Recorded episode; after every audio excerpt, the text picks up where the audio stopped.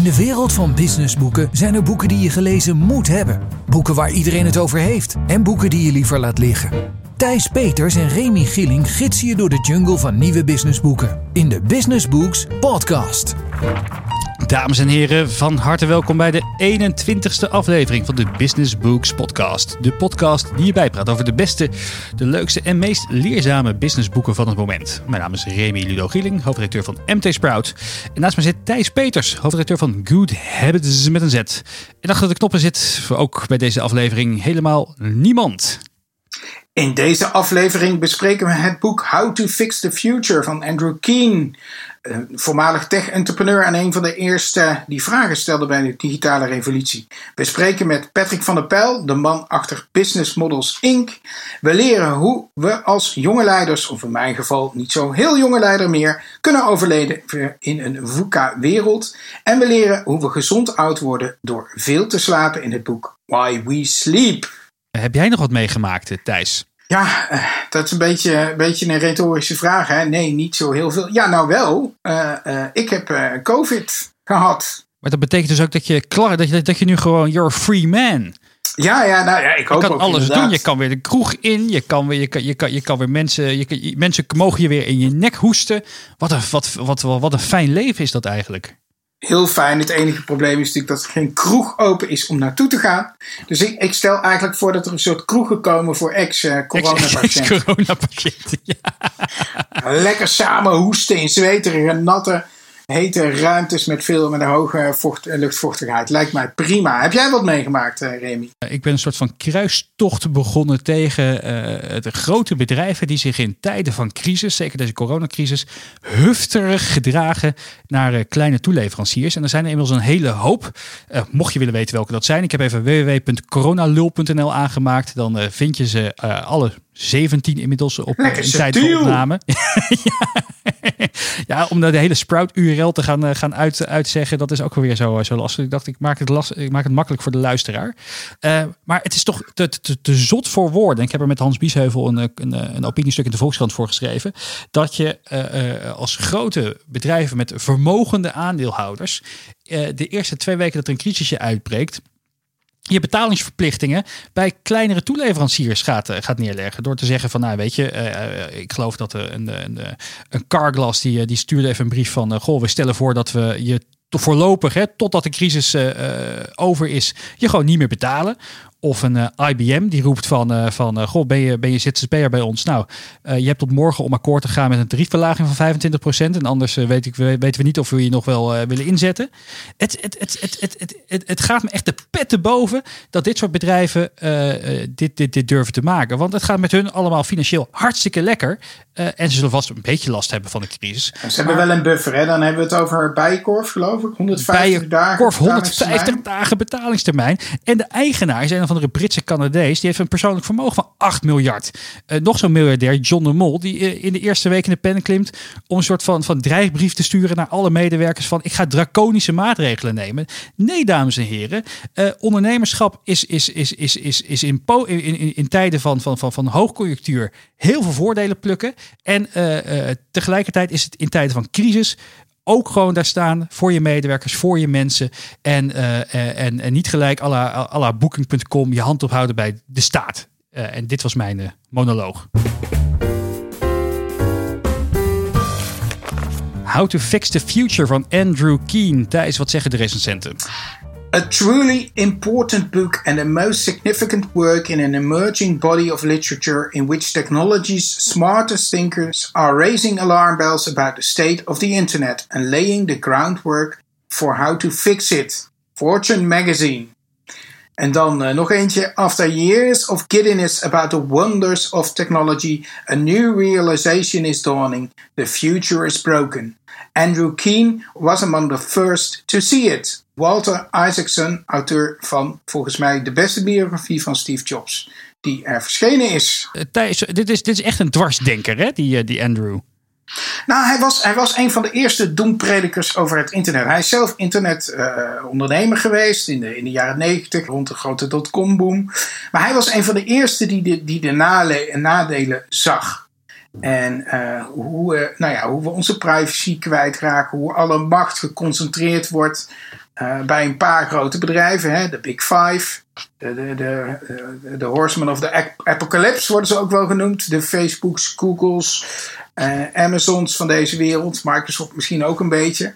En hij was een van de eerste die dat aankaartte van het, het internet is niet meer iets moois waar we over de hele wereld dingen met elkaar delen. Maar het is ook wel een beerput geworden vol kinderporno, geweld. En ondertussen raken we onze data kwijt aan die grote molochen. En hij was een van de eerste die dat schreef. En de internet is not the answer.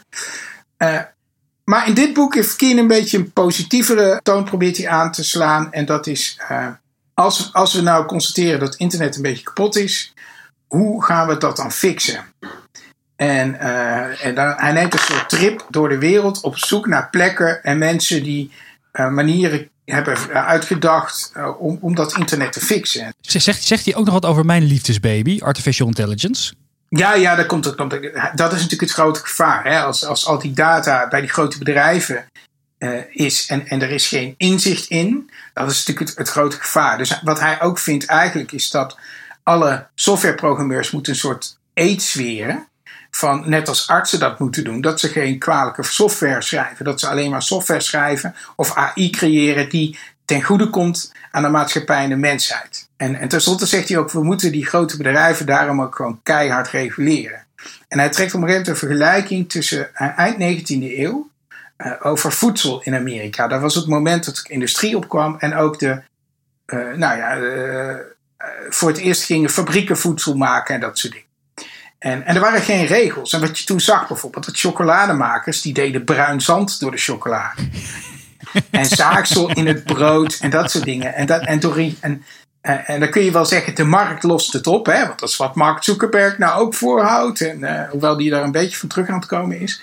Uh, maar hij zei toen loste de markt dat ook niet op. Er moest gewoon overheidsregulatie komen.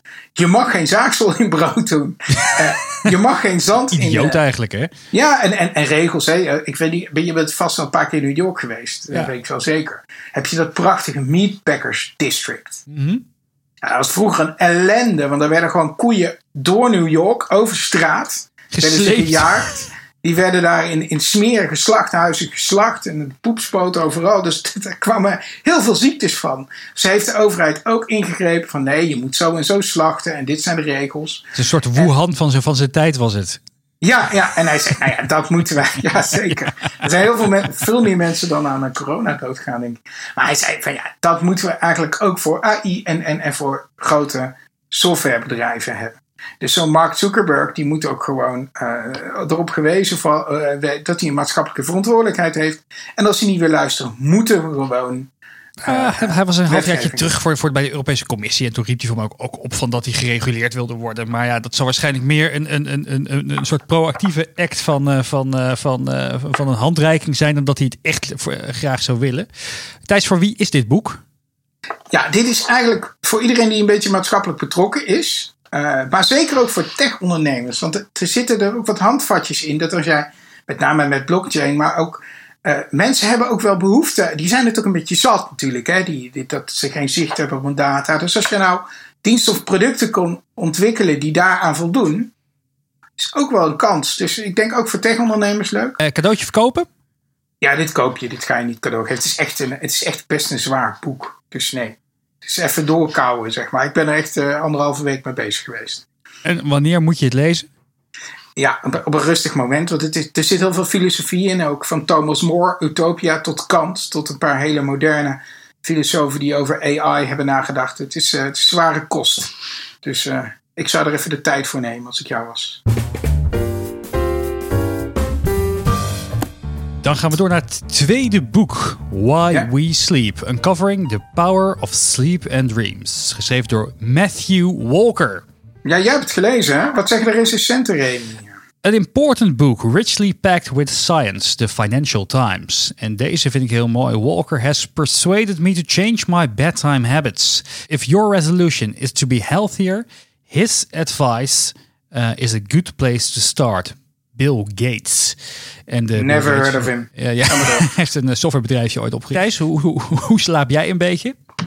Ik, ik slaap wel goed. Ja, ik, ik ben een beetje bevoordeeld. Ik heb net bij uh, Good Habits uh, hebben een hele training over slaap gemaakt. Dus ik heb me heel erg in het onderwerp verdiept. Ah, ja. Maar, maar ik was heel erg verbaasd ook dat bijvoorbeeld er allemaal statistische verbanden met bijvoorbeeld voorkomen van kanker zijn. En het Ja. is niet alleen maar dat je een beetje moe bent en misschien gestrest raakt, maar slaap is ongeveer, eh, nou ja, het, het te weinig slapen kan verschrikkelijk veel eh, Negatieve ja, gevolgen hebben. negatieve gevolgen hebben, ja. Ja, nou, uh, eigenlijk allereerst wat hij zegt is uh, waarom slaap belangrijk is. Want wat het eigenlijk met je doet is allereerst kut het die neurocellen die worden opgebouwd gedurende de dag. De, onbelangrijke die kut hij weg. En hij slaat de belangrijke informatie die je hebt opgedaan op in je langetermijn geheugen. En ja, daarom is het ook zo belangrijk dat als je iets hebt geleerd of je bent iets, iets aan het leren om daarna gewoon goed te slapen. Want alleen dan wordt de informatie ook te werk opgeslagen. En tegelijkertijd, als je iets wil gaan leren, dan is het goed, belangrijk om eerst goed geslapen te hebben. Want als je dat niet doet, dan kan je brein geen nieuwe informatie opnemen. En onthoud je gewoon simpelweg veel minder. Ook een onderzoek bleek dat uh, mensen die gewoon een aantal dagen minder goed hadden geslapen, 40% minder goed kunnen leren dan anderen. Het tweede aspect is inderdaad heel erg op het, uh, gezondheids, uh, op het gezondheidsspectrum. Namelijk dat je gewoon echt significant minder gezond bent als je niet gewoon aan je acht uur slaap komt. Uh, hij, hij haalt statistieken aan dat je, dat, dat, dat het, je kans op vele kankersoorten vergroot. Je, je, je, je, je, je, je, je, je genen ontwikkelen zich gewoon minder goed, waardoor er dus sneller fouten in kunnen komen. En ja, dat is natuurlijk wel een, een, een belangrijk ding. Zeker voor mensen die uh, de ambitie hebben om een beetje oud te worden. Uh, je, je, je, wil, je dat, wil je dat bewerkstelligen, bewerkstelligen, dan zegt hij ook, uh, er, is, er, is, er is maar één methode. En dat is gewoon heel goed aan je slaap komen. Nou, hoe je dat doet, dat geeft hij ook een aantal, aantal tips voor. de eerste is, vermijd alcohol en cafeïne. Uh, het, uh, ja, cafeïne is logisch, maar cafeïne heeft dus een halftime van ongeveer, wat, nou wat is het? Ik geloof zeven uur. Dus als je een, een, een, een, kopje koffie drinkt na het avondeten, dan is de kans dat, dat, dat het nog steeds in je lichaam rondzwerft op het moment dat je naar bed wil gaan, is groot. Hij zegt, dat moet je gewoon niet doen. Geen cafeïne s'avonds, ook niet decaf, want dat is gewoon, er zit nog steeds 30% cafeïne in. Ja, heb jij, heb jij dat dan? Nee, jij bent ietsje jonger nog dan ik, maar ik heb de laatste jaren wel. Uh, ik slaap op zich best goed, maar als ik een keer uh, een feestje heb. Ik merk wel echt een paar glazen wijn. Het is echt uh, vier glazen wijn. Ja. Dan, dan kan, slaap ik vier uurtjes en daarna lig ik gewoon naar het plafond te staren. Ik, alcohol is. Naarmate je ouder wordt of zo, die, die, die, dat, dat doet wel veel met slaap, merk ik. Nou ja, überhaupt. Hè, de, uh, dat, dat wordt ook in het boek beschreven. Hoe ouder je wordt, hoe moeilijker het is om je diepe slaap, uh, in je diepe slaap te kunnen komen. En uh, daarom is het ook zo belangrijk om, zeker hoe ouder je wordt, hoe meer dit soort routines in je slaap te brengen.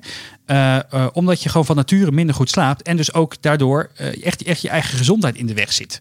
Of even dat mensen niet denken dat ik een boomer ben. Hè? Nee, nee, nee precies. Ik ben pas, ben en, pas 45 jaar jong. Dus. Wat, je, wat, wat je ook vooral moet voorkomen is dat je dus slaappillen gaat nemen. Um, om, om in slaap te komen. Hij zegt, ja, dat, dat sedeet je wel. Je kalmeert je en je valt al sneller in slaap.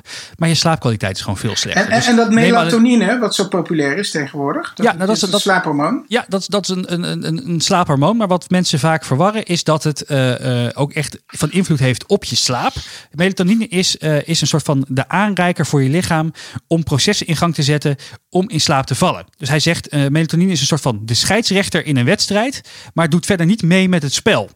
En uh, uh, het kan daarom ook heel goed gebruikt worden om uh, je, je lichaam een beetje te nudgen als je bijvoorbeeld, hebt, nu even niet, maar een ander moment hebt gevlogen. Dus als je gaat, gaat als je, om, om zeg maar je lichaam aan te geven van nou, we zijn nu in een andere tijdzone, we pushen nu eventjes door dat, dat de slaapprocessen in gang moeten worden gezet. Maar het, het helpt dus verder niks met, met je echte, met je, met je, met, met je, met je slaap. Oké, okay. voor, wie, voor wie is dit boek? Uh, het is voor iedereen die beter wil presteren en geïnteresseerd is in de wetenschap achter slaap. Voor wie is het vooral niet? Voor mensen die veel in de nacht werken of in uh, de airline-industrie. Want uh, die komen er gezondheidstechnisch niet al te best vanaf. Hey, en die kunnen er waarschijnlijk weinig aan doen. Dus die raken een beetje gefrustreerd. Ja, van, dat, dat, dat, dat is geen leuk boek om te lezen. Want de, de, de, de gezondheidsstatistieken voor die type beroepen zijn echt, echt verschrikkelijk slecht. Ja, en uh, ja, wanneer moet je dit lezen? Niet s'avonds dan, of wel? Ja, ik zou juist ik zou het in plaats van Netflix doen. Hè? In plaats van die gadgets, gadgets en, uh, en, uh, en zaken waardoor je normaal gesproken minder goed kan slapen. dan pak je dit boek erbij.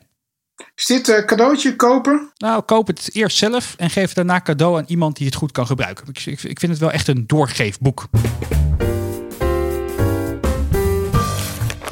Dan gaan we door naar het interview met Patrick. Remy, jij sprak met hem. Ja, en toen nog live op de redactie. En we spreken over het boek uh, waarvan hij aan de wieg stond. Een wereldwijde bestseller, ik geloof miljoenen exemplaren van verkocht. Uh, uh, Business Model Generation. Dus op een gegeven moment um, waren we bezig met een nieuw concept. En toen dachten we, hey, hoe kun je dat nou op één pagina krijgen? En toen kwam ik, was ik aan het googlen. En toen kwam ik het businessmodel Canvas tegen.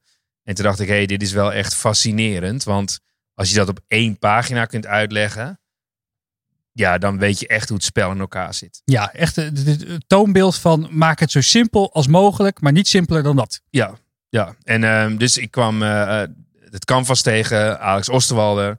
En toen dacht Oostenrijker, ik, denk ik? Uh, nee, een Zwitser. Een Zwitser. Ja. En um, toen dacht ik, weet je wat, als ik hem nou uitnodig en ik betaal een training, dan weet ik gelijk hoe het werkt. En dan kan ik het veel beter toepassen. En de reden was dat we hadden een uh, innovatiebureau en dan bedachten we concepten. Maar dan moest er ineens een businessplan gemaakt worden. En dacht ik, ja, maar wie gaat dat plan lezen? En wat staat er allemaal in? Dat is allemaal onzin. Dus kan het niet slimmer en beter. Dus ik zei tegen Alex, waarom uh, kom je niet naar uh, Amsterdam? En daar had hij geen zin in. Dus ik dacht, ik, dat was nu elf jaar geleden. En ik zei tegen Alex, weet je wat? Ik doe, stuur een uitnodiging via Eventbrite. En dan uh, verkoop ik kaartjes voor 600 euro per dag. En binnen 48 uur uh, stonden er 40 mensen op de stoep kaartjes verkocht. Dus Alex kwam. Hij sliep destijds bij een hotel in Amsterdam met een gemeenschappelijke badkamer. en ik kwam hem ophalen in mijn te dure leaseauto. En na die sessie zei ik tegen Alex van... hé, hey, maar ik denk dat dit buitengewoon interessant is. Zijn, zijn, zijn, er is nog een filmpje van. Maar zijn um, pakken waren nog een beetje outdated. Uh, echt stoffig consultant, ook zijn slides. Alleen ik zei tegen Alex, ik denk echt dat men hierop zit te wachten. Dus waarom gaan we niet uh, een boek maken? Uh, en dat wilde hij ook graag. Dus we hadden afgesproken dat ik dan dat boek met hem zou gaan maken. Dus we hebben met Yves Peigneur, zijn professor, zijn we naar Zwitserland gegaan, gesprek gehad. En toen zeiden we, oké, ja, maar hoe gaan we dat dan doen? En Alex zei, ja, ik zoek ook nog een uh, ontwerper. En toen dacht ik, ja, dat snap ik wel, want je moet plaatjes tekenen. En dat is wel tof. En Alex zegt, nee, ik zoek een ontwerper. Dus ik dacht, nou, dan gaan we die zoeken. Dus we kwamen op een gegeven moment in Londen, in een hotel. En er kwam Alan Smith voorbij met een hele grote baard, een snor. En op een gegeven moment, hij had ideeën over hoe hij dat boek wilde maken. Dus ik dacht, nou, dan kunnen we dat prima bespreken. En hij haalt een uh, tas tevoorschijn met allemaal verschillende papieren, met allemaal schetsen en tekeningen. En hij ziet zo wat aan zijn snor te fronsen en hij zegt, ja, ik denk ongeveer dat we het zo moeten gaan aanpakken. En ik dacht, wow, dit is gewoon echt een boek designen. Ik dacht, ik wist niet wat ik meemaakte. En Alex Osterwalder, zijn professor Yves Peigneur, dat is een systems, systeemdenker. En zij waren al veel eerder daarmee in aanraking. En voor mij was dat compleet nieuw. En ik dacht, oké, wat ik ga doen, ik ga zorgen dat het boeken komt. Dus dat was mijn uh, job uiteindelijk. Dus um, wat wel interessant was, wij dachten, als wij nou dat boek gaan maken en het gaat over businessmodellen, ja, dan moet je ook wel het businessmodel kunnen heruitvinden, toch? Dus um, Alex zei al in een vroeg stadium, hij zegt, als wij met een internationale uitgever willen werken, wie gaat in hemelsnaam een no-name auteur uh, aan zich binden. Die ook nog een mooi boek wil uitgeven. Want dat willen uitgevers helemaal niet. Want die willen gewoon. Dat is relatief duur, ja. Ja, zeker als het geld om dat te maken. Dus toen zeiden we destijds, er was nog geen crowdfunding, niks uh, beschikbaar. Alex die uh, zei, we gaan uh, een bedrag vragen. En ehm, kijken of we daar de funding voor kunnen krijgen. Dat was overigens in de laatste crisis die we hadden meegemaakt. Dus er waren wel mensen die dat wilden doen. En um, alleen we wilden later ook een evenement organiseren en daar goed geld aan verdienen om het boek te kunnen sponsoren. Dat, was, uh, dat viel tegen. Maar uiteindelijk uh, zei Alex, weet je wat ik een interessant experiment vind? Is we gaan het zelf uitgeven. Maar naarmate dat er meer mensen inschrijven, gooi ik het bedrag omhoog. Steeds als het bedrag werd verdubbeld, kwamen er nog meer mensen op af. Dus voor mij was het duidelijk dat de waarde van het boek, niet zoals ik als consultant had geleerd, een soort eh, kostprijs plus gedachte is, maar echt een hele andere waardebeleving had. Dus lang verhaal kort, 470 man uit 45 landen, meehelpen co-creëren. Ehm, ik heb het uiteindelijk allemaal geproduceerd, eh, een deeltje ervan gefinancierd en hebben we het uiteindelijk naar de markt gebracht. Dan gaan we door naar het vierde boek. What is Water? How Young Leaders Can Thrive in a Certain World. Uh, Thijs, wat zeggen de recensenten? Ja, geen, geen officiële recensies gevonden. Dus uh, ik heb deze van uh, Amazon. Useful mental tools borrowing from ancient wisdom.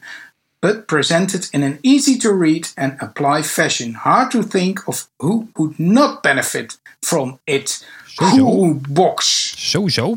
Ja, op Amazon schrijft hij of zij dat. Dan er nog eentje om What is Water helpt je en geeft je handvaten om te focussen op wat je kunt veranderen en daarmee niet uh, de hele wereld op je schouders te nemen.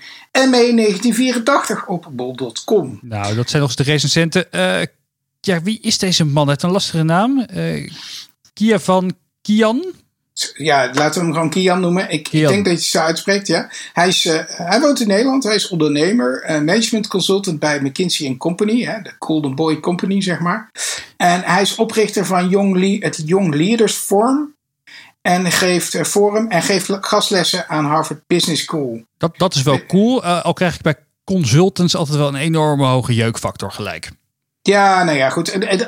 Als er één consultancy is uh, waar ik wel enigszins respect voor heb, dan is het misschien wel uh, McKinsey hoor. Daar zitten wel echt goede mensen. Dat is een mooie uh, nieuwsbrief, aanrader. Ja, en hij schreef dit boek omdat er zoveel jonge leiders in worstelen met de VUCA-wereld.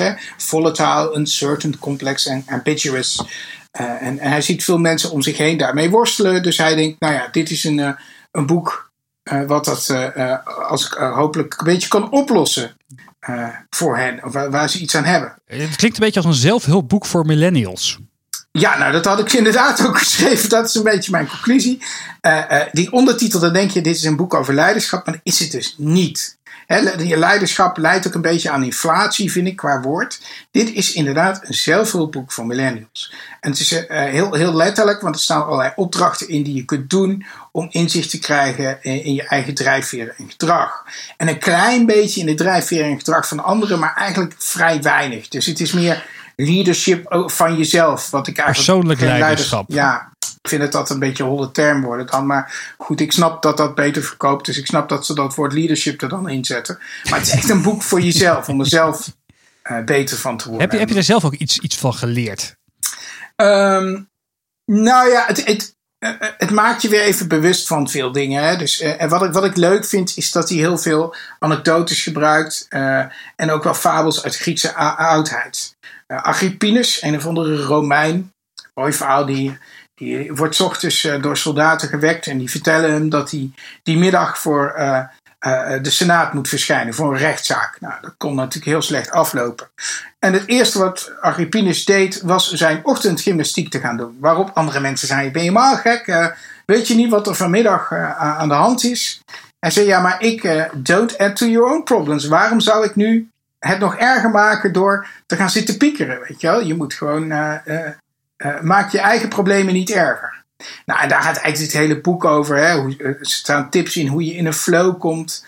Uh, dat je je moet focussen op de dingen waar je wel controle over hebt. En dat, ja, dat weten we allemaal wel. Maar ja, het zijn wel dingen waar je natuurlijk eigenlijk dagelijks mee worstelt. Want het is zo makkelijk om je wel druk te maken over dingen waar je geen controle hebt. Uh, het is soms heel moeilijk om in een flow te komen, dankzij je smartphone of wat dan ook. Of, en wat hij ook al aangeeft, in een flow komen is wel moeilijk als je bijvoorbeeld dingen doet die eigenlijk te moeilijk voor je zijn. Zij zei, kies nou dingen die je net kan. En, en, dan krijg je die kick van het leren, dan kom je in een flow. Nou, en dat, dat soort tips, daar staat het boekje eigenlijk uh, vol van. Dus het, het is een doe- en leerboek vol positieve psychologie om het leven beter aan te kunnen. Is het, is het ook, het, het klinkt wel een beetje als, als een boek voor, voor, voor, voor, voor, voor de huilie-huilie generatie, weet je wel. Volatile, uncertain, complex, ambiguous. Ja, weet je, de wereld was tien jaar of, of vijftig jaar geleden ook vervelend. Toen waren er allemaal oorlogen en gedoe. En, eh, en, en eh, ik vind wel dat, dat, dat, dat, dat mensen ook wel eens af en toe een beetje doorslaan in dat, dat, dat gezemer over dat het allemaal zo moeilijk is in deze dagen. Nou, dat, dat, dat, daar, ben, daar ben ik het aan zich nog wel een beetje mee eens. Van de andere kant, hij, hij is vrij praktisch en geeft tips. En hij is niet zweverig in die zin, weet je wel. Het gaat niet over eh, dat je yoga moet doen. Er is niks mis met yoga. Maar hij geeft gewoon praktische tips. Tips van, eh, eh, ook eh, in je omgang met andere mensen. Denk nou eerst even na, wat wil die ander van jou? Wat vindt die ander leuk? In plaats van dat je heel erg vanuit jezelf redeneert. Maar het, ja, het is een beetje basale psychologie. Ik denk dat, dat je er best, dat iedereen er wel wat aan heeft. En ja, het is een ontzettend dun boekje. Dus je hebt het er twee jaar uit en dan weet je weer, oh ja, daar moet ik op letten in mijn leven. Voor, Ja, wie, voor, voor, voor wie is dit boek in de basis? Nou ja, het is ik denk in de basis voor mensen die in de put zitten, of ontevreden zijn, of niet lekker in hun vel zitten. Dat schrijft, schrijft eh, Ke- Keen ook zelf in zijn intro. Hè. Het is niet voor mensen die dolgelukkig, tevreden en gedreven zijn, want ja, dan heb je er misschien niet zoveel aan. Eh, dus dat geeft hij ook zelf ook toe. Het is, het is handig als je je een beetje over, overweldigd voelt door de wereld. Ja. Ah, mooi. Dan eh, kan ik hem overslaan. Wanneer, eh, wanneer moet je het lezen? Nou ja, ergens als je twee uurtjes de tijd hebt. doe het 's ochtends, kun je meteen wat van die oefeningetjes in de praktijk brengen. Maar het is echt letterlijk en figuurlijk een dun boekje. Dus nou, meer dan twee uur heb je niet nodig. Cadeautje kopen? Ik, eh, ja, ik zou geef het als cadeau eh, aan iemand die, waarvan je weet dat hij op dit moment even net niet zo lekker in zijn vel zit. Remy, heb je nog tips from around the web? Ja, en hier ga ik toch even weer voor de verandering eh, eh, preken voor eigen parochie. Ik heb een eh interviewserietje gestart waar ik zeer tevreden over ben. Maar waar ik, denk, waar, waarvan ik ook echt, echt heilig geloof dat mensen er iets mee kunnen. Ik had namelijk zoiets van, het is crisistijd. De, wereld staat in de fik economisch gezien. En, ook qua healthcare natuurlijk. Maar een crisis brengt ook altijd heel veel kansen. En we kennen de voorbeelden uit het buitenland. Uber, Airbnb, Pinterest, WhatsApp, Instagram zijn allemaal gestart in de crisistijd. Eh, en ik ben op zoek gegaan naar de voorbeelden van Nederlandse ondernemers die zijn gestart in crisistijd en wat ze daarvan hebben geleerd. Wat moet je nou wel doen en wat moet je nou niet doen? En ik heb er in- inmiddels een hele hoop gesproken. Eh, de oprichters van Katawiki bijvoorbeeld, Eh, ooit het snelst groeiende technologiebedrijf van Europa. De oprichter van Elastic heeft het bedrijf in 2018 naar de beurs gebracht. En het bedrijf is nu 4,4 miljard waard. Dat is huge, is dat. Ja. Het is huge, echt een eh, onbekend pareltje in Nederland. En, en, en eh, Victor Knaap van Media Monks, Hans Brouwer van, eh, van, van, eh, van Massive Music. Allemaal gave, coole ondernemers. Die, eh, die, eh, die echt mooie lessen hebben over, over eh, eh, hoe, je, eh, hoe je in crisistijd moet ondernemen. Dus ik zou zeggen, ga even naar Sprout en eh, eh, zoek de interviews op. Je ziet ze op de homepage wel ergens staan. Eh, want ja, ik heb er in ieder geval heel veel van geleerd. Nou, klinkt leuk. Ja, ik heb, ik heb ook iets met leren. Ik heb, ehm, ik heb natuurlijk eh, vanuit mijn werk ook wel de luxe dat ik soms eh, een beetje bij de concurrent kan kijken. En je hebt in, Amst- eh, je hebt in Amerika de, de masterclasses. Masterclass.com. Masterclass komt erg leuk. En wat ik zo fantastisch vind, is dat het van, van Gordon Ramsay tot Bob Iger tot Christina Aguilera, die vertelt hoe je moet zingen. Weet je, je kunt alle kanten op. Het is echt fantastisch jaar. Ja, het kost, ik heb het kost ook geen drol. 200 Nee, per jaar of zo. Ja, ik zat een stukje van Armin van Buren te kijken. Weet je wel. Ik, ik, ik heb geen ambitie om DJ te worden. Ik vroeg al lach. Maar, maar eh, wat, wat me wel opviel, wat ik wel dacht. En dat is natuurlijk een beetje het nadeel. Ook een beetje met het boekje wat ik net besprak. Je moet wel zorgen dat je niet. eh, eh, dat je iets pakt wat je wel al een beetje kan als je zo'n masterclass gaat volgen. Hè? Want als jij niet verder komt dan een eitje bakken, dan kun je wel een masterclass op Gordon Ramsay kijken. Maar dan raak je waarschijnlijk ontmoedigd. Dat was hem alweer, de 21ste aflevering van de Business Books podcast. Vond je dit tot nu toe een leuke aflevering? Laat het ons dan weten. Tag ons bijvoorbeeld op eh, LinkedIn, Thijs Peters en eh, Remy Gieling. Of eh, laat een reactie achter op iTunes, dat helpt de podcast ook om beter gevonden te worden. Of stuur ons een mailtje op podcasts.mt.nl. Heel graag tot de volgende aflevering. Tot zover de Business Books Podcast. Meer afleveringen luisteren? Abonneer je via iTunes of SoundCloud en krijg een melding wanneer er een nieuwe aflevering live gaat. De Business Books Podcast is een uitgave van Sprout en Management Team en wordt geproduceerd door voicebooking.com.